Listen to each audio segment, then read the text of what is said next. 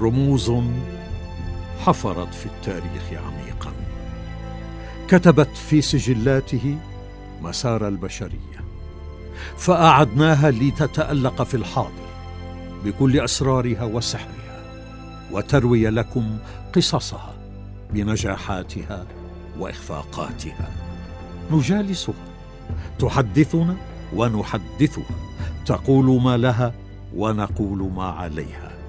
والحكم دائما لكم وللتاريخ. ابن خلدون المفكر العربي غاص في عمق أعماق المجتمع لكي يفهم حقيقة الأزمات والحلول فوجدها هو وأضعناها نحن.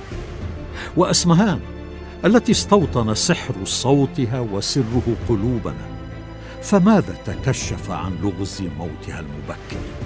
أما مارادونا الساحر والأسطورة فعلاقته بكرة القدم فاقت كل الوصف.